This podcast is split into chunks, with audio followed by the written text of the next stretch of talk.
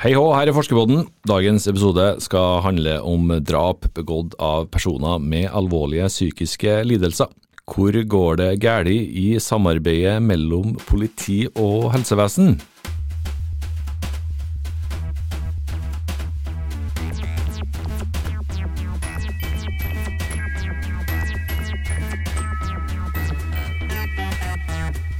Forskerpodden er NTNU Samfunnsforsknings egen podkast. Navnet mitt det er Vegard Ystad Smevold, og i dag er jeg veldig glad for å ha med meg forsker på samfunnssikkerhet, Naska Hass. Velkommen til Forskerpodden-studio, Naska. Takk skal du ha, Vegard. Du har det fint og er klar for podkast sammen med meg? Absolutt. Du er ph.d.-stipendiat og forsker hos oss i NTNU Samfunnsforskning NASKA. Hva innebærer det å være ph.d.-stipendiat? Hva betyr det? Det betyr at jeg tar en doktorgrad ved NTNU innenfor sosiologi. I tillegg er jeg forsker ved NTNU Samfunnsforskning, der jeg forsker på tematikker innenfor samfunnssikkerhet. Så jeg har noen parallelle prosjekter som pågår, men ph.d.-prosjektet er hovedsak individuelt prosjekt som jeg står for sjøl. Ja, spennende. Hva er det du skal forske på i det prosjektet, Naska? Jeg skal forske på eh, forebygging av drap begått av personer med alvorlige psykiske lidelser med voldspotensial. Eh, og se, da skal jeg se på hvordan helsevesenet og politiet sam samarbeider og hvordan de prøver å forebygge vold og drap eh, begått av denne pasientgruppen. Mm. Hvor eh, godt i gang har du kommet? Nå er jeg egentlig holdt på med dette prosjektet i et år, så jeg vil si jeg er godt i gang, men eh, fortsatt eh, mye av det viktigste arbeidet som gjenstår. Mm. Hva, hva, er det du jobber med akkurat nå? Da? Hvordan, eh, hvordan jobber du, lurer jeg på? Akkurat nå prøver jeg å ta kontakt med aktuelle aktører som jeg ønsker skal delta i prosjektet. Altså rekruttering av informanter og ja. Det er den fasen jeg er i. Altså ja, innsamling av data. Ja, Og når du har eh, fått nok personer å snakke med, da, hva, hva, gjør du da? Da skal jeg gå og snakke med dem, og ja. skaffe den dataen jeg trenger for å analysere og prøve å forstå mine problemstillinger i prosjektet ytterligere. Mm.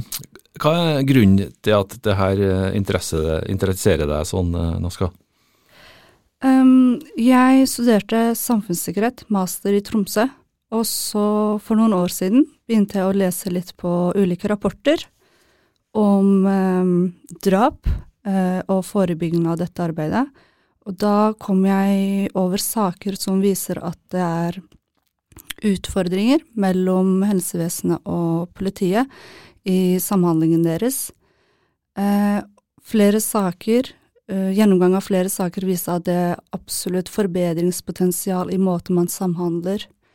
Eh, og så har jeg sett i nyere drapssaker hvor disse problemstillingene er fortsatt aktuelt. Eh, altså noen av de rapportene jeg har lest er tilbake i 2010, eh, og nyere rapporter fra 2022 viser de samme utfordringene. Da tenkte jeg det er litt viktig å ta tak i dette. I tillegg har vi jo psykiatrien som har vært gjennom endringer. Så det å se endringene i psykiatrien eh, i sammenheng med dette, og se hvordan det har påvirket eventuelt samhandlingen mellom hjelpeapparatet, det tror jeg er viktig for å forstå utfordringene som er hjelpeapparatet i dag. Mm. Eh, helse og politi, det ser jo jeg på som to store sekker i samfunnet vårt, som eh, opererer litt eh, på hver sin side. Men eh, hvor viktig er det her eh, samarbeidet med, mellom de her to instansene? Kan du si noe om det? Det er kjempeviktig. Begge har, har helt avgjørende rolle i både å forebygge, men også håndtere ulike saker. Politiet skal uh, gi oss trygghet og sikkerhet i samfunnet.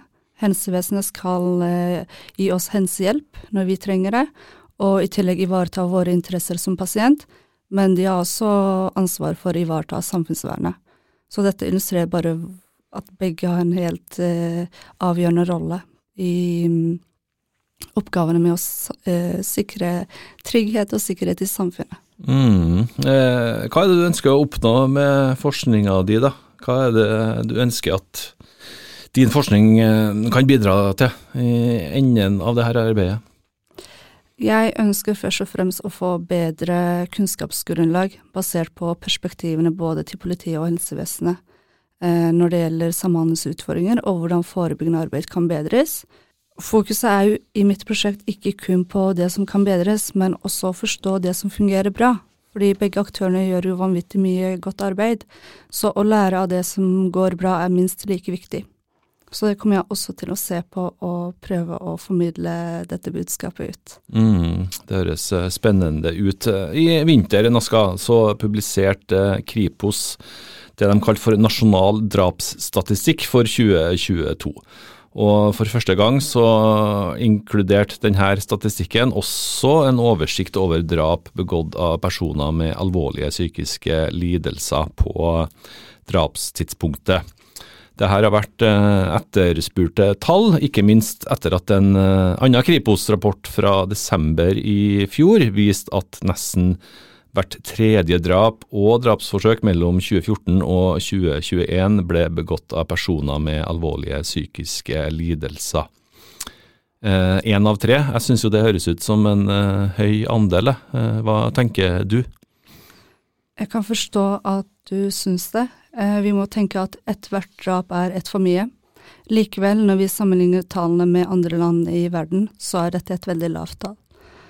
Eh, og selv om rapporten viser at det i perioder er økning i antall drap begått av denne pasientgruppen, så er ikke denne økningen dramatisk.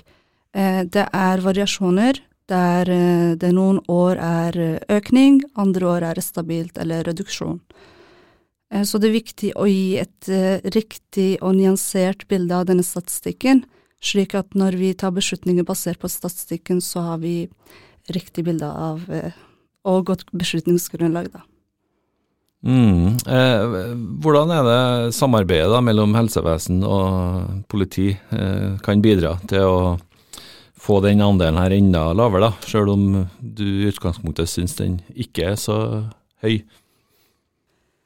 Utgangs, utgangspunktet for mitt prosjekt er jo ikke endringen i statistikken på antall drap, men mer at vi har drapssaker i Norge som viser at det er potensial for forbedring i hjelpeapparatet. Eh, altså at vi har saker som viser eh, f.eks. at samhandling mellom politiet og helsevesenet ikke fungerer optimalt. I tillegg er det jo endringene i psykiatrien som også har vært viktig utgangspunkt for uh, dette prosjektet. Så det er ikke de dramatiske Det er jo ikke dramatisk, men det er ikke statistikken som er utgangspunktet for prosjektet mitt. Og det her eh, skjønner jeg jo et uh, stort uh, spørsmål, skal sikkert noe du skal um, forske videre på. Men hva er det som skal til da, for, å, for, at drap begått av alvorlig psykisk syke skal bli unngått? først må jeg understreke at det er de aller færreste med psykiske lidelser som begår drap. og likevel tror jeg ikke det er mulig å forebygge alle drap, verken blant denne pasientgruppen eller generelt i samfunnet. Eh, det vil resultere at vi får en veldig lukket samfunn hvor vi mister friheten, og hvor vi diskriminerer ulike grupper eh, mennesker i samfunnet. Eh, så det tror ikke jeg er mulig. Likevel er det jo som sagt forbedringspotensial i hjelpeapparatet. Og uten at jeg på nåværende tidspunkt i prosjektet mitt kan svare på hva som må til for å forebygge flere, så kan jeg jo nevne noen utfordringer som hjelpeapparatet står for. Eh, og det der med f.eks. antall sengeplasser i psykiatrien, det har jo vært mye diskutert i mediebildet de siste årene. Eh, siden 1990 og frem til 2019 har antall døgnplasser i ordinær psykiatri omtrent blitt halvert. Og dette samtidig som vi har fått uh, antall personer dømt til tvungent psykisk helsevern har økt. Så det vil si, noen fagpersoner mener at fordi vi har fått antall dømte, risikerer vi at vi må skrive ut de som ikke er dømt, men trenger tett oppfølging og behandling, må bli skrevet ut for å få plass til de som er dømt. Eh, dermed kan vi risikere å få folk ut i samfunnet som ikke får tett oppfølging. Foreløpig er det jo ikke noen studier som viser at det er en sammenheng mellom reduksjon i sengeplasser og antall drap, Men nye undersøkelser og nye datagrunnlag de, fra de siste årene kan føre til endringer i den statistikken. I verste fall så kan det her få konsekvenser da, eh, på sikt? Det kan det. Hvis ikke folk får eh, tett oppfølging og behandling og de trenger det, så vil det jo selvfølgelig påvirke deres helse. Eh, så det er jo uheldig. I tillegg så har vi politiske vedtak som har bidratt til endringer i psykiatrien, og da tenker jeg først og fremst på vilkårene for bruk av tvang. I 2017 så ble det gjort endringer som gjør at eh, behandler har mindre rett til å bruke tvang i behandlingen, fordi så lenge pasienten er samtykkekompetent, så kan vi ikke bruke tvang. Eh, og her, Dette er ikke svart-hvitt, dette er blitt diskutert mye blant eksperter. Eh, det er ulike tanker om dette, eh, men det noen har uttrykt, er at ofte, noen ganger blir pasienten for syke før de får behandling.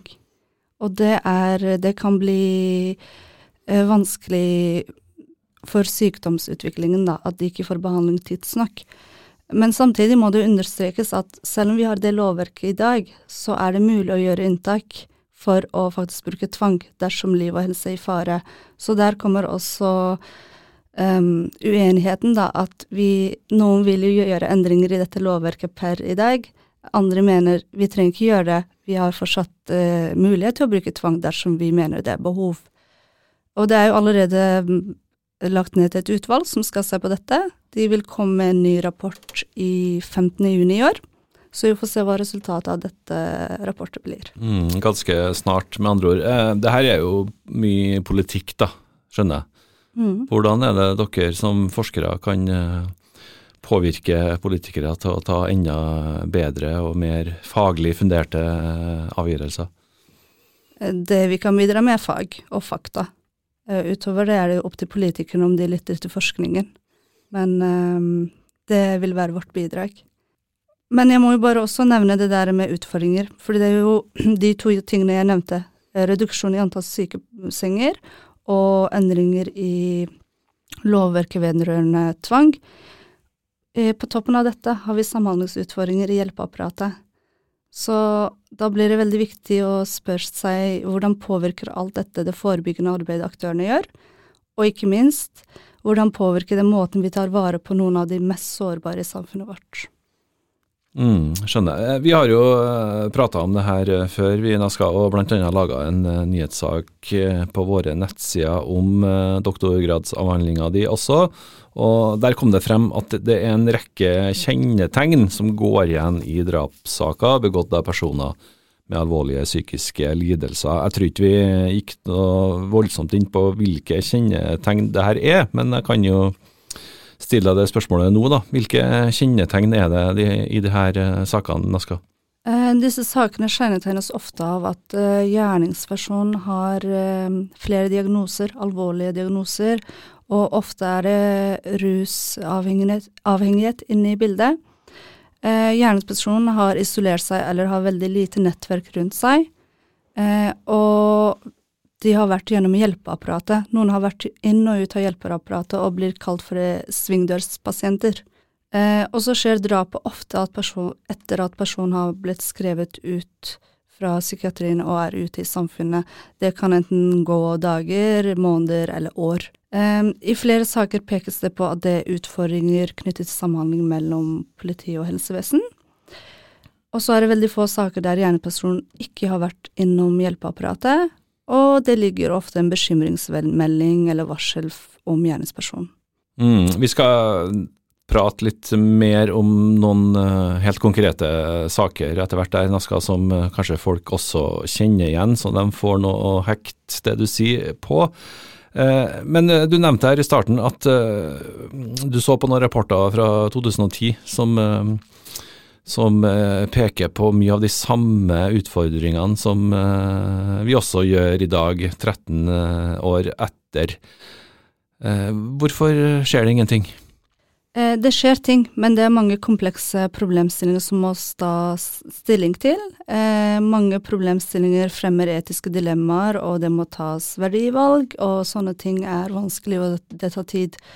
Og jeg tror aktørene gjør mer enn vi er klar over, og mer, som, mer som blir gjort enn det som er delt i mediebildet.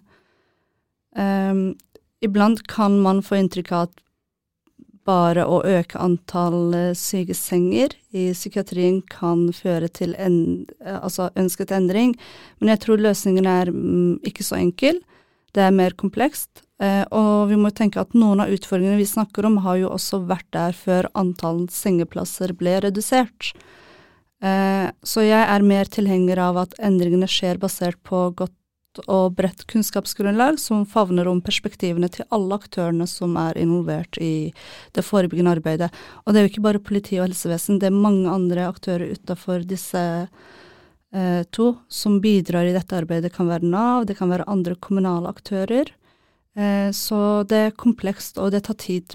Mm, er det aktører du skal snakke med i ditt prosjekt, eller skal du konsentrere deg om eh, helse og politi nå? Jeg ønsker faktisk å snakke med de også, men jeg, er, jeg lar dataen min føre meg til de ulike aktørene, så i hovedsak er det politi og helsevesen, men jeg tenker de vil eh, nevne andre aktører som blir relevant å snakke med. Mm, jeg skjønner. Vi skal snakke om noen helt eh, relevante eksempler nå, Naska.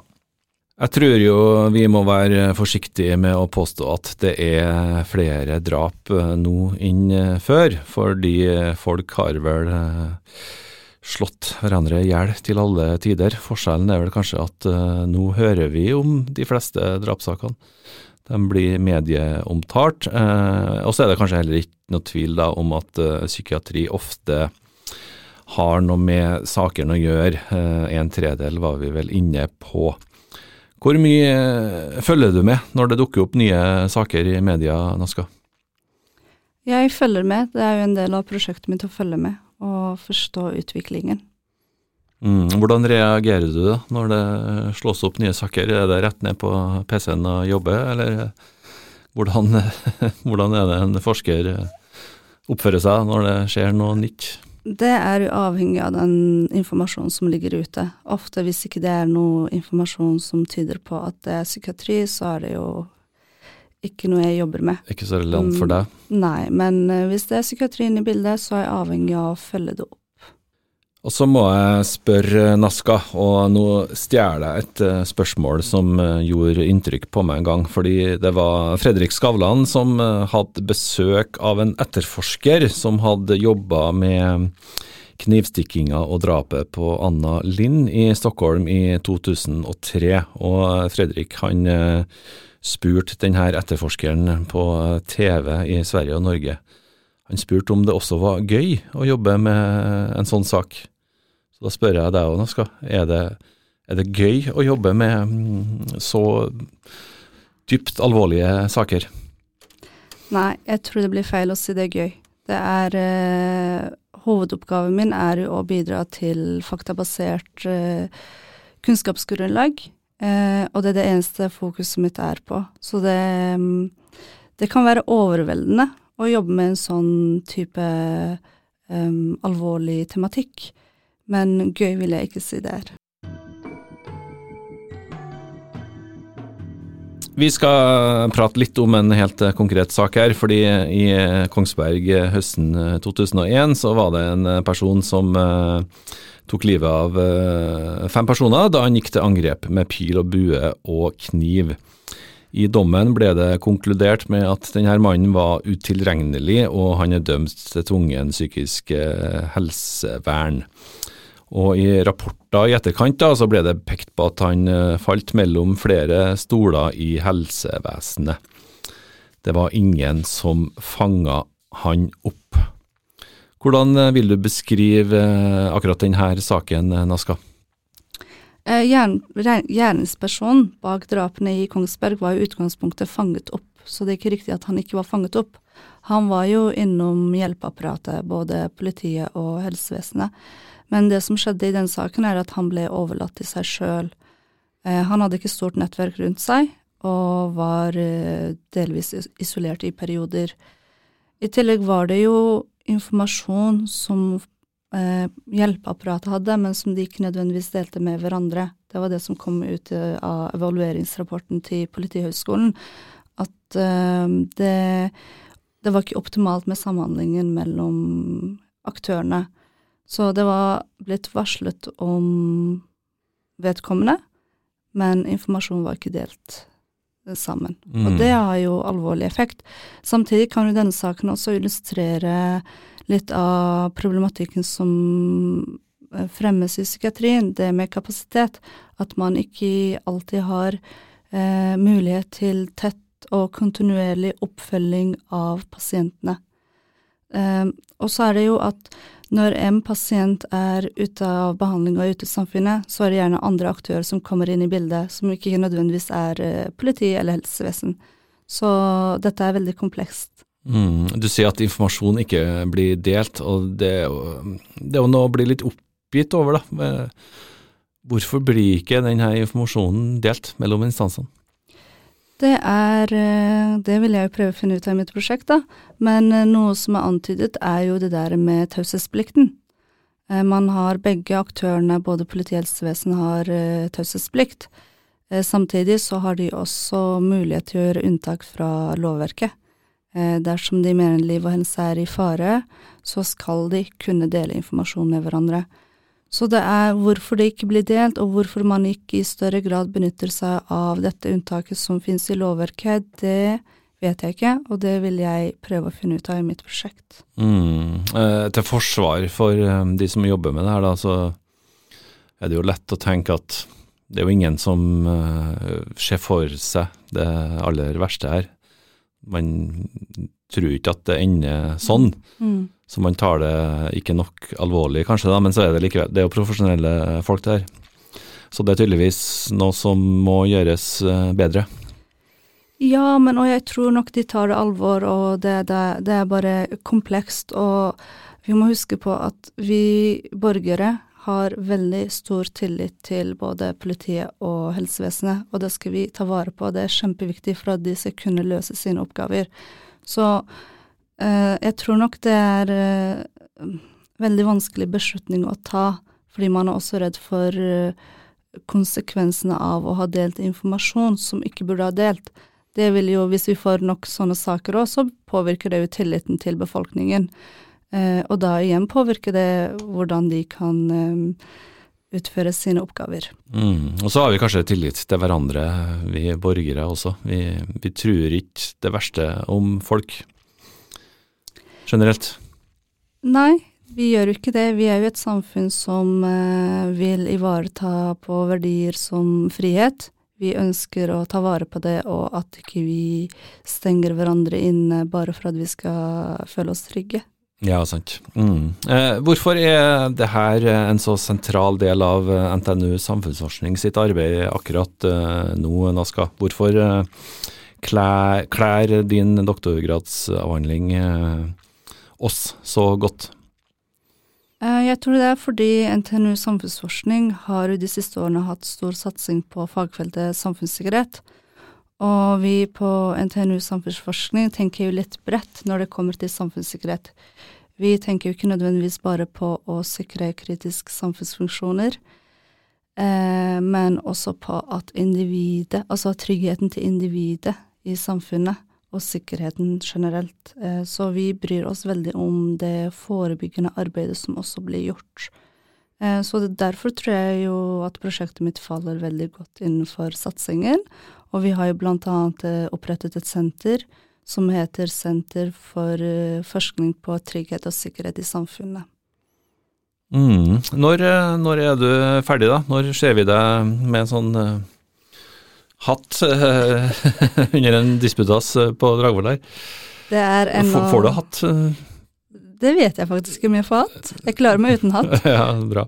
Så lenge jeg får doktorgraden. Ja, sant. Men uh, det er nok uh, tre år igjen av prosjektet mitt, så ja, vær tålmodig med meg. Så du har uh, mer tid å forske på, og når du er ferdig da, Naska, så regner jeg med du kommer tilbake til Forskerpodden studio og fortelle enda mer. Det satser vi på. takk til Naska Hass for en uh, interessant prat om et uh, alvorlig tema. Forskerpodden er NTNU Samfunnsforsknings egen uh, podkast, som spilles inn i studio her på Dragvoll i Trondheim. da. Og navnet mitt det er Vegard Y. Smevold. Vi høres om ikke så altfor lenge.